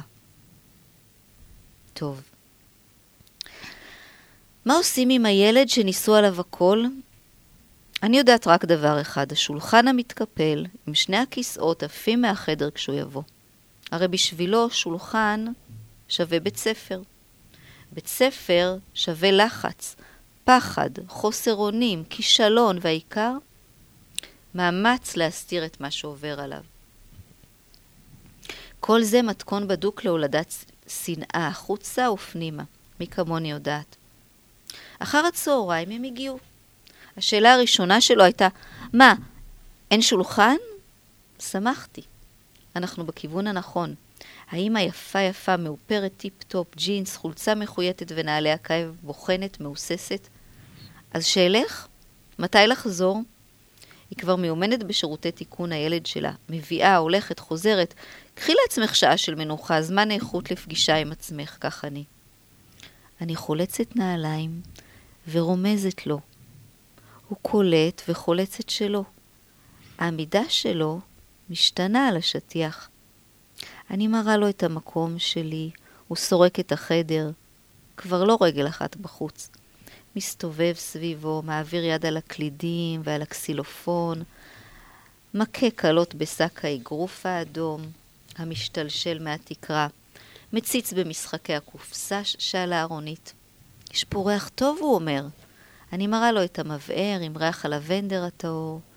הששית הנחושת מפיצה אור צהוב על הכורסאות הסגולות שלי. על שולחן, על שולחן קטן עוגיות גרנולה ולימונדה קרה.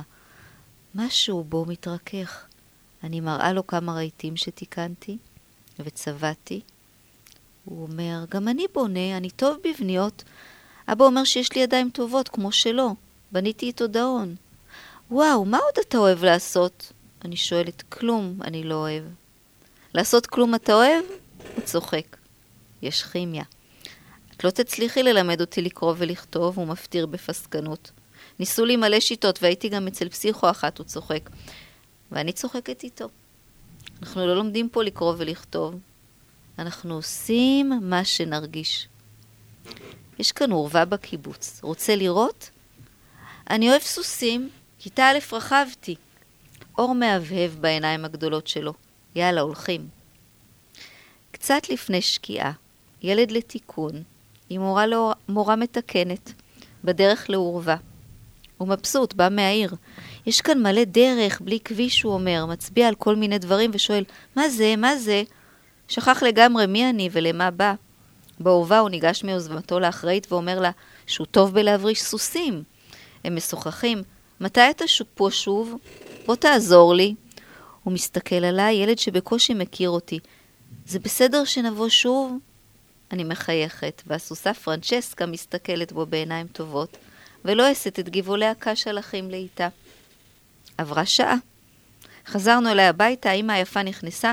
נו, למדת משהו? הוא מסתכל עליי באחוות שותפים בפשע. למדתי ללכת לעורבה. בערב היא מתקשרת, מודאגת. מה היא מקריאה?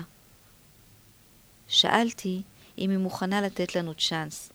יש לנו קשר טוב, זה הדבר החשוב. הכל יגיע, אני מבטיחה. הוא יקרא. הייתי בסרט שלא קוראים יותר מדי פעמים בחיי. פעמיים בשבוע נתתי לו לצייר את המסלול העורבה בצבעי עיפרון. מפת דרכים על בריסטול גדול. הוא ביקש טוש מרקר, פח זבל ירוק, שביל ישר, מימין מרפאה, שמאלה לחדר אוכל, ברוש, גדר, שביל מתעכל, פנס רחוב נוטה על צידו, השלט גן שקד, הוא מצייר כמו צייר אמיתי, מוחק, מדייק, רגוע בשיא הריכוז. ואני? רואה את עצמי בגילו מציירת עם על אספלט עם גחל פחם ועם אבן גיר שהיינו מוצאים ליד הבלוק. קלאס על הכביש וחיצים לבנים של סימני דרך. הרבה שנים לפני מחשב לכל ילד.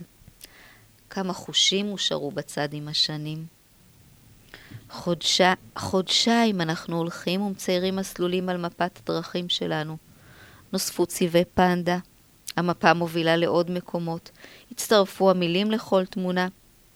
לא לפני שגילינו את הפונמות הקטנות ביותר שמרכיבות את עברות המילים. עוד מודעות, עוד פנימה, עוד חיוך. הוא הדריך. הכל נבע ממנו. אה כן, היינו תמיד בערות לפונמות הקטנות בחיינו, לדקויות. המתוק קורא. כתבנו יחד סיפור על הציפור שלא ידעה לעוף עד שבא הקוסם עם האש הסגולה, והביא לה זרעים של כוח ונוצות של שמחה, ואז היא עפה, וגם האכילה את הגוזלים. לא גיליתי לו שסיפור כזה נקרא סיפור מרפא. האם היפה שלו סיפרה שהוא מבקש לקרוא אותו כל יום לפני השינה. היי, hey, ציוניוני הדרך, אבנים לבנבנות. טוב לשוט, תרמיל על שכם. אי בליען הרחק לנדוד. ועכשיו, עוף גוזל. נשמע את uh, מירי מסיקה, לא את אריק איינשטיין הפעם, לא את מיקי גבריאלוב שכתב, אלא את uh, מירי שרה את עוף גוזל.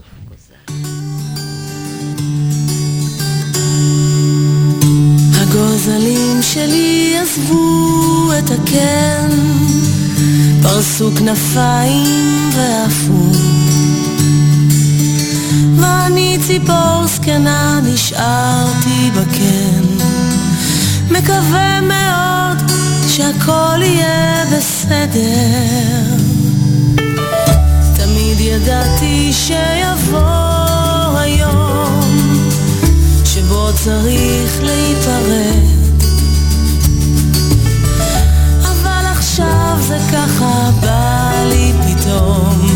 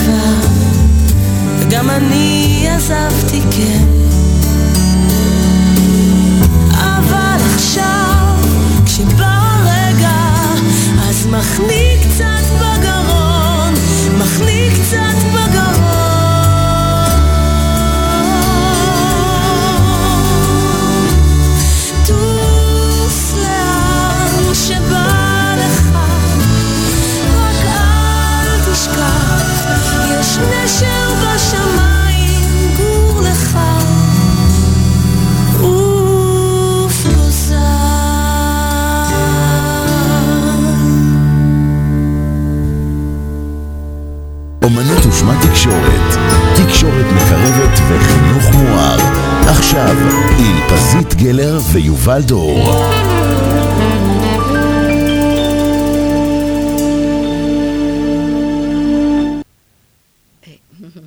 אני חושבת שמי שהקשיב לסיפור הארוך הזה, אמ, חשוב לדבר על, המצ- על מצבים שלפעמים אני פוגשת אימהות.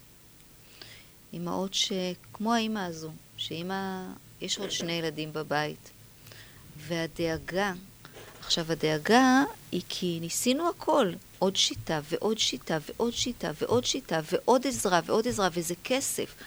ואין מישהו שיגיד, רגע, באיזה כאוס המשפחה הזו נמצאת, ויש כל כך הרבה משפחות כאלה, שזה מתחיל בדרך כלל מלופ של קושי של ילד, כשלא הייתה עצירה להגיד, רגע, אבל מה הוא מביא? מה שהוא הביא זה הליכה לעורבה. ולעצור לראות את ההליכה לעורבה שממנה תצא הלמידה, כשאנחנו במצב הישרדותי כזה, אנחנו לא יכולים. ואז יש פשוט התמוטטות, זו התמוטטות של אימא, של בן זוג, לפעמים של זוגיות, של הילדים האחרים שבבית. וזה יכול להיות ממקרה מאוד קטן, שהילד לא מצליח ללמוד משהו, או שהוא לא עומד בקצב של בית הספר. ובגלל שיש את ה... המצב ההישרדותי הזה, אז אין את האפשרות אה, לחשוב על, אה, איתו ביחד על חלופות. כשכביכול המחלה והתרופה נמצאת בתוכו, רק צריך להיות שם מספיק בהקשבה כדי לתת לו, להוציא אותה לאור, את ה... לרקוח את ה... אנחנו אה, מדברים על זה שכמו שלמדנו ביהדות, המושג של תיקון הוא שונה. בדרך כלל אנחנו חושבים בתרבות המערבית שלתקן משהו זה כי הוא מקולקל, to וצריך fix. to fix it, וממשהו שבור אז צריך לאחות אותו. ובמושג היהודי, כמו שלמדנו, תיקון קשור לכן, הוא מלשון כן, כן כמו כן לציפור, לציפור הנפש. זאת אומרת, זה להחזיר דבר לשורשו. להחזיר אה, לטבע הרוחני שלנו. והטבע הרוחני, גם של הילד, הוא טבע כן סקרן וכן מחפש. הוא זקוק לזמן שלו.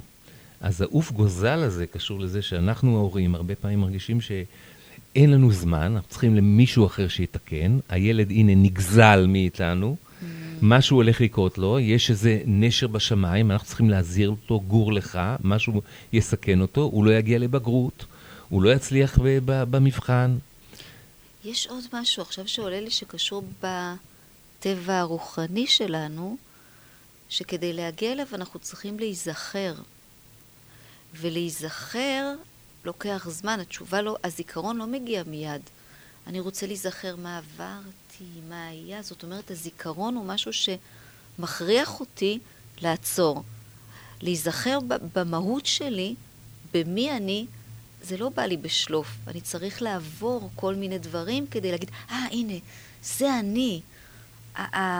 השקט הזה, הנינוח הזה, השלב הזה. אבל הנה, ככה את היית מולו. אני חושב שהעיקר שאני שומע בסיפור זה איזה סוג של שקט. כן. שאת מביאה לקשר עם הילד. את דואגת קודם כל לשקט שלו, שלא יהיו לו דברים מסיחי דעת שנז... שקשורים אצלו באיזה מיקרו-טראומות קטנות מקודם. אז את מוציאה את השולחן ואת הכיסאות, שזה לא ירגיש, אוקיי, אני שוב ב setting כזה של, של בית ספר. יש הרבה דברים, דרך אגב, שקשורים ב setting. באו אנשים אליי למקום ואמרו לי, איך ילד נמצא במקום כזה? אין לו כל... מה את עושה עם כל הסחות הדעת? שאלה מושגים שאומרים, אסור שיהיו לילד מסיחים בזמן שהוא לומד איתך. כדאי כמה שפחות. רצוי שיהיה לו שולחן, כיסא, כדי ששום דבר לא יסיח את דעתו. הכל כדי שאנחנו אה, נימנע מתאונות, שהתאונות הן בעצם הסקרנות שאליה אני מכוונת. ואז העולם הוא נורא מצומצם, וילד מגיע למקום לעשות את השעה הזו, בעוד שהוא מגיע למקום כזה, אוקיי, איך בתוך המקום הזה אתה תייצר למידה? איך אתה תעזור לי לעזור לך? כל זה ננעל ונסגר כשאתה שם שולחן, כיסא, חוברת, דף עבודה, הולכים הביתה. תחשבי כמה נינוחות יכולה לאפשר יציאה ממבול רגשי, כמו נוח. נוח בונה תיבה, כמו מילים, כמו ראשי תיבות, הוא בונה תיבה, יוצא מכל הרעש של המבול, מסוגל לעלות שם זוגות זוגות של חיים לתוך התיבה, ופתאום נפתח עולם חדש. ככה ילד שמרגיש תובע, הוא תובע בית הספר, הוא חנוק, אין לו אוויר, הוא לא יודע מה לעשות עם עצמו, ויחד איתו תובעים כולם. נכון. ופתאום עצם הנינוחות הזאת, שמחלצים אותו. כן, שזה לא עכשיו איזה מצב חירום, שהנינוחות הזאת של פתאום יהיו תשובות בכלל אחרות, מאיפה תגיע הכתיבה? מאיזה מקום פנימי? אחד הדברים שבתקשורת מקרבת, הדברים הבסיסיים של מרשל רוזנברג, זה שהרבה יותר מהתוצאה של מה אתה עושה ומה אתה מדבר, זה מאיזה מקום הדברים נעשים, מאיזה מקום פנימי הדברים מדוברים. זה דורש זמן, בכלל אוזן להקשיב, זה דורש איזה שקט, להקשיב מאיפה אני מדבר לילד, איך אני פונה אליו. ולהבין שאין סוף ליצירתיות האלוקית בעצם, שנופלת אלינו ברגעים האלה. אין סוף. הרי הפחד הוא ממה אני אעשה אם זה לא יצליח לי, ומה אני אעשה אם השיטה הזו לא תעבוד. ברגע שאני אומרת, אני לא צריכה שיטה שתעבוד, אני... יש לי את כל השיטות, ואני באופן אישי למדתי המון שיטות, אבל ברגע שאני עומדת מולו, הוא ייתן לי את התשובות שלא חשבתי עליהן. הוא יראה לי דרכים שלא האמנתי שאני אלך בהן. וזה תודות ל... רגע, אני איתך, ואני יודעת שאתה יכול להראות לי את הדרך. אני סומכת עליך ועל עצמי. אני רוצה להיזכר עוד קצת בשקט, במקום הזה, השקט הזה, שמצטלל בשיר של uh, להקה שכבר לא קיימת יותר, שהיו שותפים לה ירדן בר כוכבא ויסמין קדר, ועידן אלתרמן ואבי גרייניק, ילדים סורגים לאלוהים, להקה שנקראה לולה. והשיר הידוע שנקרא ימים של שקט, וגם בתקופה הזאת של העם בישראל, כמה אנחנו זקוקים קצת לאיזה שקט שבו נוכל לא רק לראות את עצמנו, אלא, וגם לא רק לראות את הזולת, אלא לראות את הקשר בינינו. ימים קצת של שקט וברכה.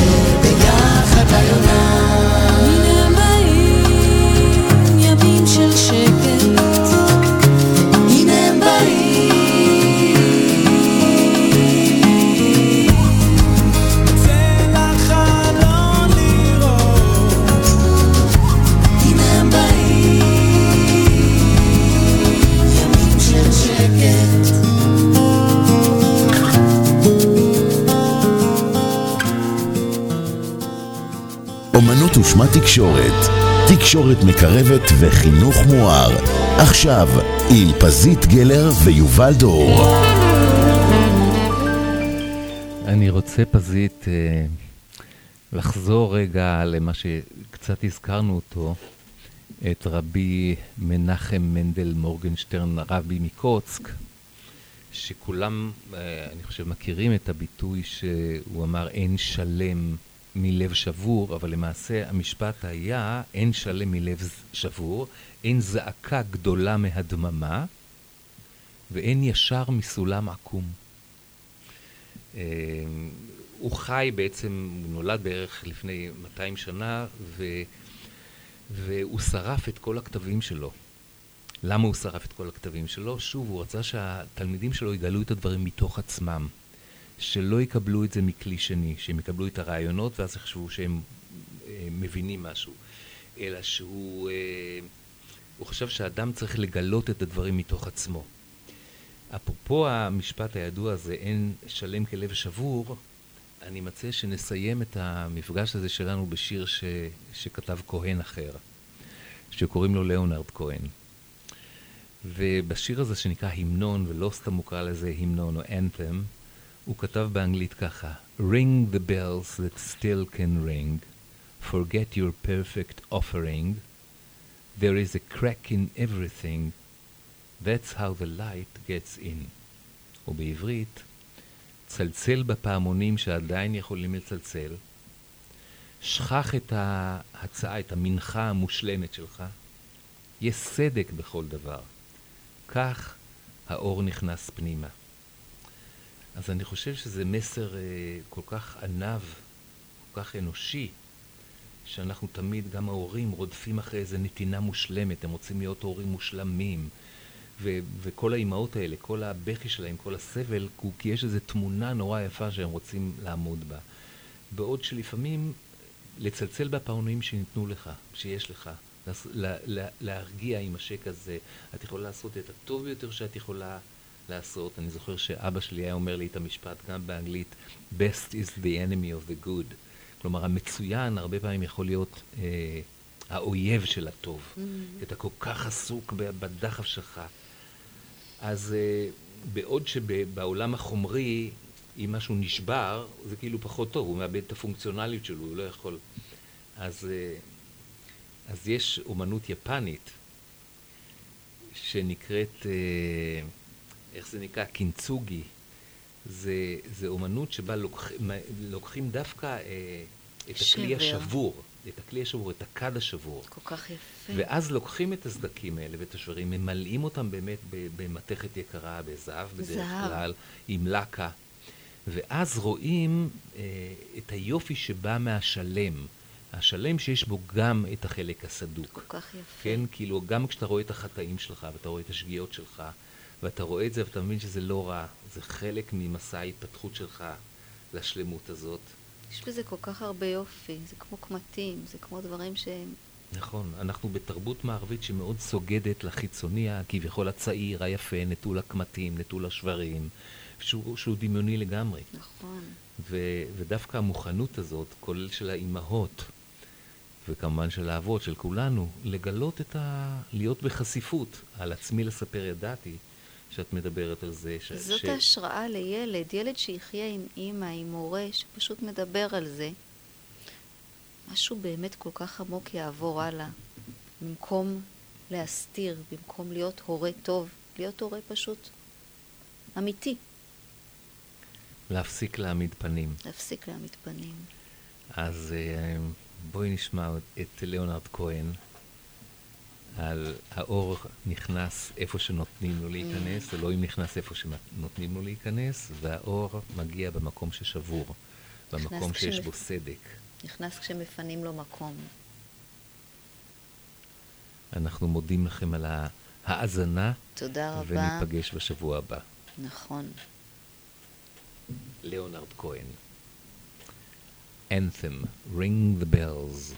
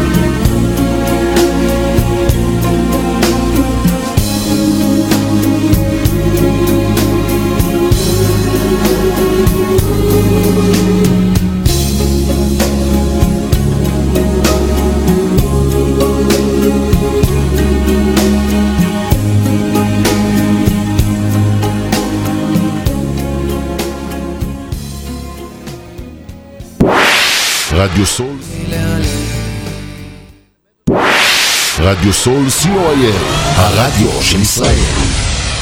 30 שניות על רדיו סול. רדיו סול היא תחנת הרדיו האינטרנטית הגדולה בארץ, המשדרת 24 שעות ביממה, מונה 36 שדרנים, מועברת בשם הוויזואלי. רדיו סול משדר במגוון סגנונות מוזיקה, מגוון גדול של תוכניות.